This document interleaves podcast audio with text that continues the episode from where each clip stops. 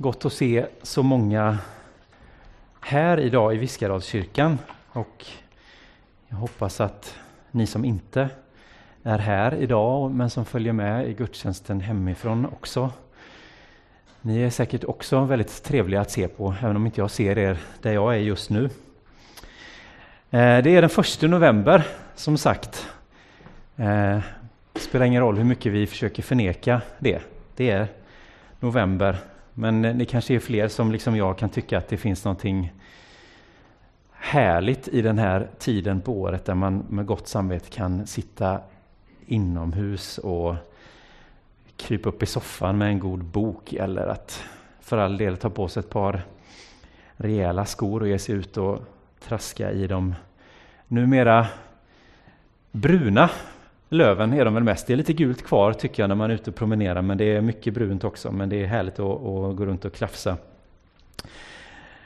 Krafsa i det blöta också. Alltså inte krafsa, att man krafsar så här, utan klafsa runt kanske heter Inte krafsa, förlåt. Det är en liten konsonant som kan göra så stor skillnad. Eh, idag är det femte delen i den här predikoserien. Jag tror att detta är sista delen faktiskt i eh, inte sista delen, för, men sista delen i den här serien om Gud, det här liksom lagom omfattande ämnet att hantera i några korta predikningar. Notera ironin där om inte det framgick. Eh, nu ska vi se, jag har ju en sån där bra grej som jag kan använda för att växla fram till bilder. Här är den här eh, förkortningen som inte riktigt har satt sig. Jag kände att de sista veckorna har jag inte riktigt gjort en ansträngning. VV PON V POG, vad vi pratar om när vi pratar om Gud del 5. Ehm, vi kan väl, eh, vi kan väl eh, konstatera att det var ett misslyckat experiment. Jag är inte jätteledsen för det, tar det inte som ett personligt misslyckande direkt så. Men, ehm, vi har pratat om treenigheten, om Fader, Son och Ande. Det är ju tre till antalet. Ehm, nu har vi hört om de här tre aspekterna av vem Gud är. Då kanske vi är redo att gå vidare och prata om något annat, kan man tycka. Eh, vad ska vi ta idag? Vi kan ju kanske riva av en fråga om lidande kanske, eller helande, eller varför svarar inte Gud på alla böner? Varför måste vi be om Gud är allvetande? Jag bara slänger ur mig lite olika förslag här. Kanske lite, lite mer som vi kan tillämpa här och nu. Hur lyckas jag i livet? Hur blir jag framgångsrik på jobbet? Hur får jag ett superbra andaktsliv? Lite olika eh, idéer här jag slänger ur mig. Det är lätt att man bara hoppar vidare och tänker, jag är sån i alla fall när jag, när jag tänker och planerar och, och funderar på det här med, med predikning och undervisning. Och jag vill gärna säga någonting som den som lyssnar kan ta till sig och applicera i sitt liv och liksom omsätta på något sätt. Att det inte bara blir liksom, ja ah, det där var fina tankar, men vad gör jag med det här? Och så samtidigt vill man liksom att det ska gärna vara något lite nytt också kanske, att det är liksom ja, någonting som man kanske inte har hört förut, utan kanske någonting som ger en lite ny infallsvinkel. Och så är det lätt att man liksom hoppar vidare och jagar vidare till ett nytt tema eller en ny bibeltext. Eller, och nu är det ganska snart advent, då kan vi börja prata om det. Och vad är nästa grej? Nästa ämne att kasta sig över? Har det hänt något i världen som vi kan belysa? Nu börjar man ju tröttna på pandemin, kan jag känna. Hur mycket mer kan vi säga om det? Har jag läst någonting på sistone som har väckt lite nya tankar och idéer? Och jag vet inte hur det känns för dig som sitter och lyssnar om man känner liksom att ja, men kom igen nu, ge mig, något, ge mig något nytt, ge mig något jag inte hört innan. Eller blir man stressad av det? Kanske. Att hoppa från en sak till en annan, det blir lite som mediadrevet i Sverige som känns som att det är liksom, vad är dagens smak på menyn idag? Vad är det vi, man hoppar vidare från en sak till en annan. Och ibland skulle man kanske bara vilja ta ett djupt andetag och låta sinnet få stilla sig något. Och jag har känt lite så inför den här söndagen, att jag kände så här att är vi klara nu med att prata om Gud, alltså på det här sättet, vi pratar om Gud alltid. Liksom. Um, men är vi klara? Men jag kände så här, nej men jag vill gärna att vi stannar kvar här lite i detta. Uh, jag vill att vi dröjer oss kvar lite. Det är liksom det är angeläget för mig att det här som vi pratar om, att det liksom får, på mitt eget bristfälliga sätt så som jag lägger fram det, att vi inte bara lägger det till handlingarna utan att vi liksom får stanna upp och se om det här kanske kan få sjunka in lite, kanske hos någon, att det kan få innebära någonting nytt. Lite av ett nytt perspektiv kanske. Um, oavsett, jag vill bara säga så här, min klocka är på reparation så jag har ingen aning om vad tiden är. Men jag har ett manus att följa, så om jag inte gör massa avstickare så ska det här vara över inom rimlig tid. Bara som en liten parentes har vi det ur vägen just nu. Vi ska ta upp en bild på en på en trevlig figur. Clive Staples Lewis, C.S. Lewis. Vi har pratat om honom tidigare under den här serien predikningar. Förra söndagen, förrförra söndagen blir det då, hade vi upp en bild på, eh, på det här klädskåpet i Narnia-berättelserna. Han har bidragit med mycket mer än bara Narnia-böckerna. Hans litteratur är en aldrig sinande källa för den som vill upptäcka och uppleva skarp intellektualitet och djup andlighet i en berikande harmoni. Lewis skrev en självbiografi som heter Surprised by Joy på engelska, eller Överraskad av glädje tror jag den, den svenska titeln är. Och där myntar han ett begrepp som han kallar för kronologiskt snobberi. Och vad menas med det? Kronologi, det har ju med tid att göra, med handling, någonting som, som hur en händelseutveckling sker i tid. Och snobberi, det förstår ni själva vad det betyder. Med detta menar Lewis att det finns en attityd hos många moderna människor. Det här skrev ju han någon gång på, eh, pff, vad kan det ha varit, 40, 50-talet, kanske 40-talet. Nu, nu bara jag höftar här, så ni får nu gå hem och googla själva när den här boken gavs ut. Men han menar att många av oss moderna människor, vi har en tendens, kanske ibland omedvetet, att man ofta okritiskt, okritiskt accepterar eh, nya idéer och nya tankar och tänker att det är bättre än vad som har varit innan. Och han uppmanar oss att ställa följande fråga. Det som vi upplever som gammalt och förlegat, har det någon gång blivit motbevisat? Som till exempel en förlegad vetenskaplig teori. Till exempel, jorden är platt. Ja, det kan vi ju liksom eh, lägga till handlingarna kanske. Det finns ju nya idéer som är bättre än det. Att jorden är rund till exempel. Eller har det helt enkelt fallit ur tiden som ett mode och inte inne längre? Jag kan tänka att mycket liksom, kanske mjukare värden och annat sånt som man kan tycka att Ja men det där är ju liksom, varför är folk inte mer vänliga längre? Varför är vi så själviska? Varför är vi så individualistiska? Det var väl, så att ibland liksom menar han att man kan få säga ja, det var bättre förr. Utan att man är en liksom stofil. Varje tidsperiod har sina illusioner och man har liksom en blind fläck, tror jag som kommande generationer, eller vi själva, om vi är klarsynta nog när vi ser i backspegeln så småningom, kommer upptäcka att ja, det där som vi tyckte var så fräscht och så sunt och så bra och så nytänkande, det var ju inte så där väldigt bra egentligen, eller hur?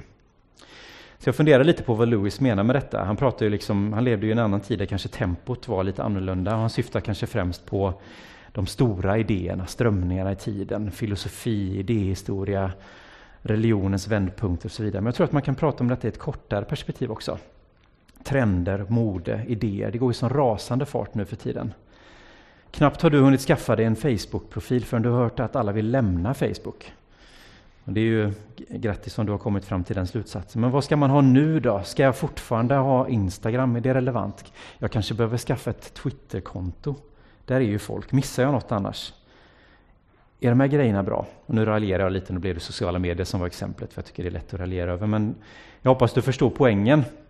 Att kanske är vår viktigaste uppgift i vår tid att vi lär oss att dra ner lite på tempot. Att inte skynda vidare till nya idéer och nya tankar och nya saker hela tiden. Att vara kristen i vår tid kanske innebär att vara lite på tvär mot resten av kulturen. Att inte bara dras med i vår tids tempo och levnadsmönster. Kanske är det svårt att vara kristen och konsument, även om det är en fin allitteration. Kanske vi istället skulle välja kontemplation framför konsumtion ibland. Nåväl, min tanke idag är att vi ska göra en liten sammanfattning eller rekapitulation av vad vi har pratat om nu de här söndagarna. Kanske blir en chans att påminna sig om, ja just det, det var det där vi pratade om. Det har ändå gått några veckor nu och särskilt när vi går, har varannan söndag som vi träffas. Så blir det ju ett tag. Man kanske hinner glömma. Du kanske hinner plocka upp något som du har missat eller kanske vi kan belysa saker från ett lite annat perspektiv idag. Min tanke idag är att vi ska ta hjälp av en tysk teolog, en nordafrikansk biskop och en amerikansk sångerska. Det låter som en dålig Bellman-historia, eller väldigt avancerad Bellman-historia, men det är inte tanken. Vi ska läsa bibeltexter från både gamla och nya testamentet. Det blir liksom en perfekt mix, tror jag här nu, av lite av varje. Nåväl, vi börjar med den tyske teologen. Eh, och det här är, är eh, vad eftertänksam han ser ut, eller hur? Hoppas ni alla ser honom. Detta är Paul Tillich. Han var en av, vissa menar han var en av 1900-talets mest inflytelserika, inflytelserika teologer. Han var tysk, han fick sina böcker brända på nazisternas bokbål och han emigrerade till USA innan andra världskriget bröt ut. Vi tar hans levnadshistoria på eh, tre sekunder där. Eh, och hans sätt att skriva om och tala om Gud skiljer sig från mångt och mycket från många av de bilder som jag växte upp med, vilket eh, har berikat mig på senare år, får jag ändå säga. Um, men vi ska backa bandet lite innan vi går in och pratar om vad Tillich sa för någonting och skrev om för någonting. Nu går vi tillbaka ganska långt i tiden. Under lång tid så var ju teologi, alltså liksom vetenskapen eller te, liksom teoretiserandet om, om Gud, var en av de stora vetenskaperna. Eh, att syssla med teologi, det var liksom det gjorde vetenskapsmän. Eh, det var ju tyvärr mycket mest män under långa perioder i vår historia. Man sysslade med teologi på samma sätt som man pratade om fysik och biologi och det var liksom en av de stora vetenskaperna. Det var liksom inget konstigt. Det var som antikens filosofer. De pratade lika mycket om att leva ett gott liv som att fundera över hur universum hade kommit upp eller hur matematik fungerar. Liksom det var det var liksom inte så här, ja, eh, religionen håller sig på det här hållet, teologin där borta och sen har vi de andra naturvetenskaperna, utan det var vetenskap allsammans. Det var liksom, man såg på det på ungefär samma sätt. Sen kom upplysningsfilosofin och med René Descartes kom också skiftet till den förnuftsmässiga grunden för kunskap och vetande. Ni kanske känner till namnet. Han är ju kanske mest känd för det här begreppet jag tänker, därför är jag. Cogito ergo sum. Alltså där han på något sätt landade i att hans tänkande, det var liksom det grundläggande liksom beviset på att han på, på hans existens. Liksom. Mycket rationalitet och tänkande och teoretiserande. Ett skifte som förde med sig mycket gott, mycket nya upptäckter, nytt sätt att se på vetenskap, men som också visade sig vara bristfälligt, får man väl säga. Men från 1700-talet och framåt så har tror jag att många tycker liksom att det med vetenskap och tro, nej men det är två helt olika saker. Det är liksom kollisionskurs med varandra, det har inte med varandra att göra. Problemet då har varit när kristna, när vi kristna har försökt argumentera för Guds existens på förnuftsmässiga grunder. Att man liksom ska använda vetenskapliga metoder för att visa att Gud finns. Att det ska finnas liksom rationella grunder för tro. Att det går att tänka sig till Guds existens. Att förklara skapelseberättelsen med vetenskapliga termer, kanske. Eller, eller vice versa, då, att man försöker bevisa att här har vetenskapen fel minsann. Och så försöker man liksom ja, man snarare har förstärkt de här positionerna av att tro och vetenskap är liksom varandras motsatser. Men dels så kan jag tycka att vetenskap och religion pratar om två, alltså man pratar om olika frågeställningar. Även om jag tror att det som modern vetenskap handlar om nu för tiden mycket kanske egentligen tangerar religionens frågor också. Vetenskapen har ju liksom kanske aldrig gjort anspråk på att diskutera frågan om mening. Varför är vi här? Vad är meningen med livet? Hur lever jag ett gott liv? Det får du kanske inte, liksom, det kan du inte labba fram. Det kan du liksom inte läsa i en, i en grundbok i fysik. Du hittar inte meningen med livet här kanske. Och Likaså tror jag att tron och religionen kanske egentligen är det som handlat mer om meningen, att försöka förklara frågan om hur. Det är, liksom, det är inte det det handlar om. Men tillbaka då till Eh, nu ser det nästan ut som att Paul Tillich har suttit och väntat på att jag ska prata klart. Nu ser jag nästan lite så här, ehm, eh, kom till saken mer. Eh, men Tillich han menade att det faktum att den rationella vetenskapen i mångt och mycket har gjort det svårt att göra anspråk på att kunna prata om, liksom bevisa Guds existens ska ses som att vetenskapen har gjort religionen en stor tjänst, säger han. Det låter kanske märkligt. Vi ska göra en liten, liten bara eh, koll här på det han resonerar. Han menar att vetenskapen har tvingat oss att tänka om och omdefiniera själva gudsbegreppet. För Tillich är nämligen problemet att vi har talat om Gud som en varelse, som ett objekt jämte allt annat skapat. Ja, här har vi hela skapelsen och sen har vi Gud också jämte alltihop. Som också ett, ett, ett väsen, ett objekt, precis som allt annat. Och ni vet när vi pratar om objektifiering, att någon är, att när man objektifierar någon eller någonting, det är ingenting positivt laddat. Um, Då har man liksom tagit bort värdet hos den personen. Man har gjort det till någonting jag kan analysera, dissekera och studera på håll. Inom filosofin så pratar man om objekt och subjekt, alltså en motsatsen då. Ett subjekt är en individ, en person. Någon som har ett inneboende värde. Medan objekt är någonting som, det låter lite kallare, det låter lite kliniskt, det låter som någonting som jag kan analysera och studera. Vi har också använt, haft en tendens, och det här har ju med språklighet att göra, vi var inne på det för några veckor sedan, det här med att vi har pratat om Gud och beskrivit Gud i väldigt mänskliga termer. Det är liksom på samma sätt som vi kan göra när vi pratar om ett väderfenomen eller naturfenomen. Vi kan säga att havet var vredgat. Eller att stormen piskade.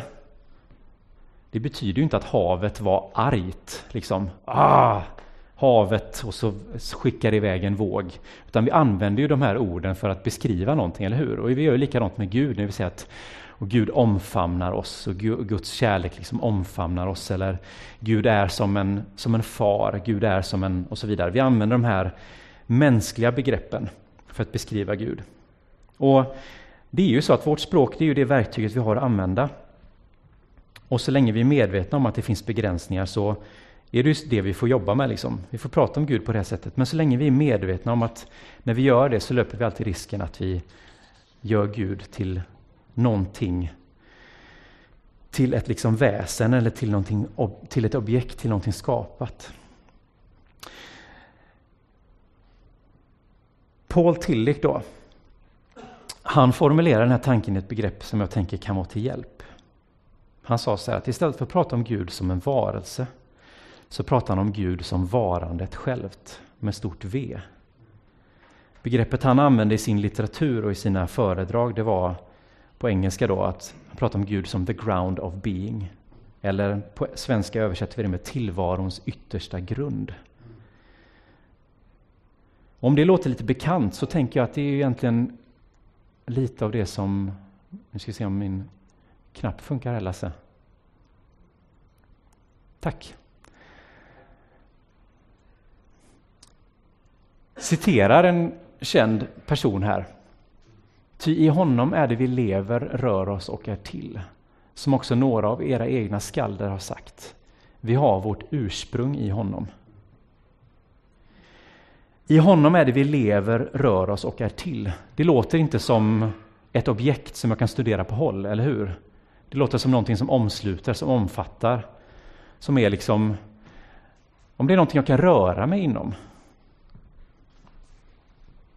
det måste vara något som är mycket, mycket större och som är någonting annat än... Det är inte så att jag kliver in i Gud, liksom i Guds skepnad. Nu står jag i Gud. Om jag står så här så är mina ben i Guds ben och sträcker på armarna så här så är mina armar i Guds armar. Det är inte så det funkar, eller hur? Gud är någonting annat. Gud är någonting större. Gud är någonting mer.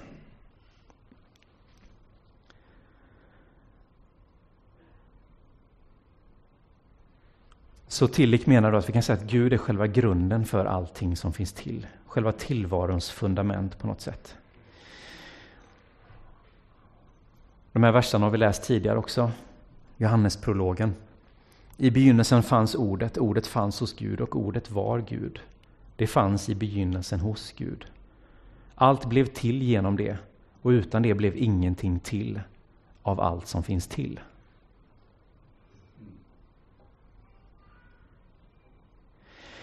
Denna tillvarons yttersta grund har också manifesterat sig i historien. Vi har pratat om Jesus, Jesus Kristus. Ur en tillvaro, en verklighet, en skapelse som redan vilar på grund, som har Gud som sitt, sin yttersta, sitt yttersta fundament. Som blivit till genom Guds skapande vilja, möter vi Jesus som den personliga gestaltningen av den här eviga tillvarons yttersta grund som vi kallar Gud. Den eviga Kristus blir kött och blod, blir människa, blir en av oss. Gud är inte längre någonting för alltid bortom vår förmåga. Gud blir påtaglig, konkret och nära. Johannes själv säger senare i första kapitlet här, och här tänker jag citera ur The Message-översättningen.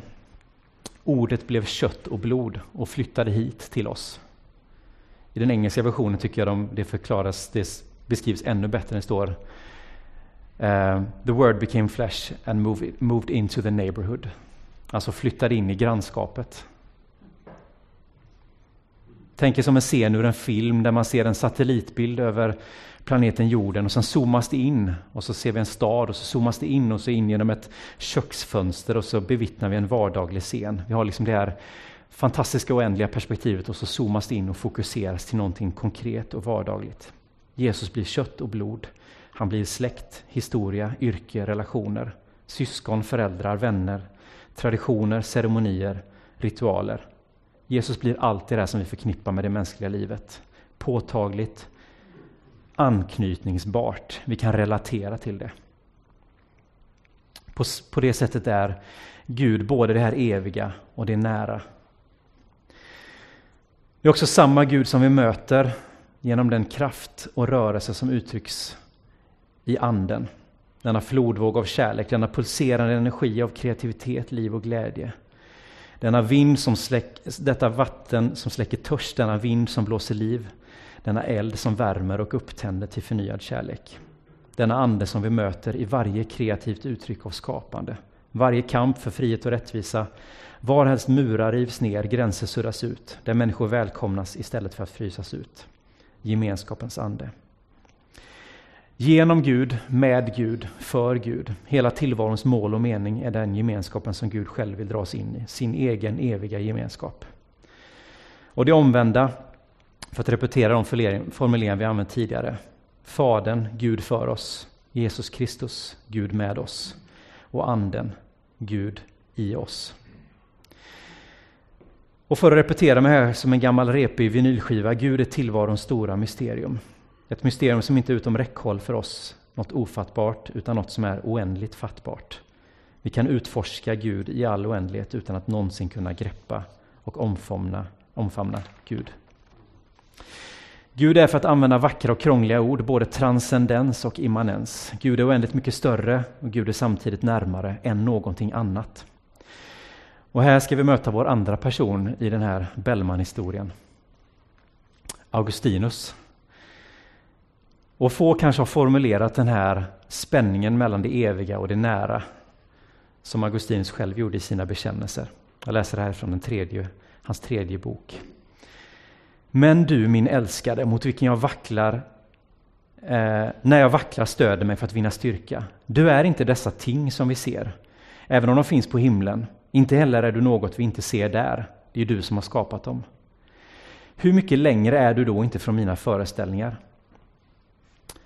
Du är inte den själv som ger ting, du är inte den själ som ger tingen liv. Du är livet i själarna, det liv som ger, ger liv åt det som ger liv.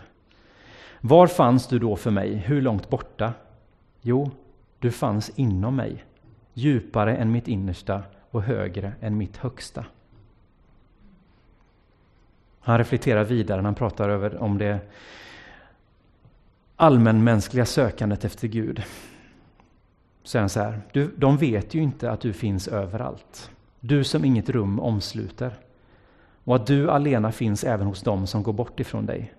Låt dem vända om och se, där finns du i deras hjärtan. Var befann jag mig när jag sökte dig? Du fanns inför mig, men jag hade gått bort från mig själv. Jag fann inte mig själv, långt mindre då fann jag dig. Så vad Augustinus försöker fånga här med sitt liksom bristfälliga men ändå så mycket vackrare sätt än någon av oss tror jag skulle kunna uttrycka det, är det här att Gud är liksom bortom allt det där skapade och samtidigt är Gud så nära. Så nära oss. Han beskriver på ett ställe hur när jag vänder bort mitt ansikte från dig så är det bara jag som gör mig själv blind. Du är ju fortfarande där. Det är inte så att jag kan gömma mig från dig.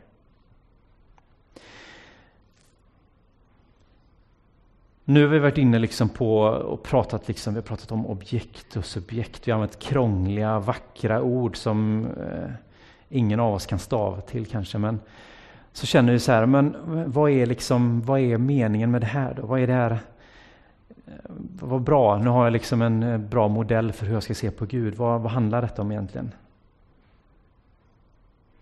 Det är ju mer än liksom en gymnastikövning för intellektet. Det här med att försöka förstå Gud som en, någonting annat än en varelse jämte allt annat skapat.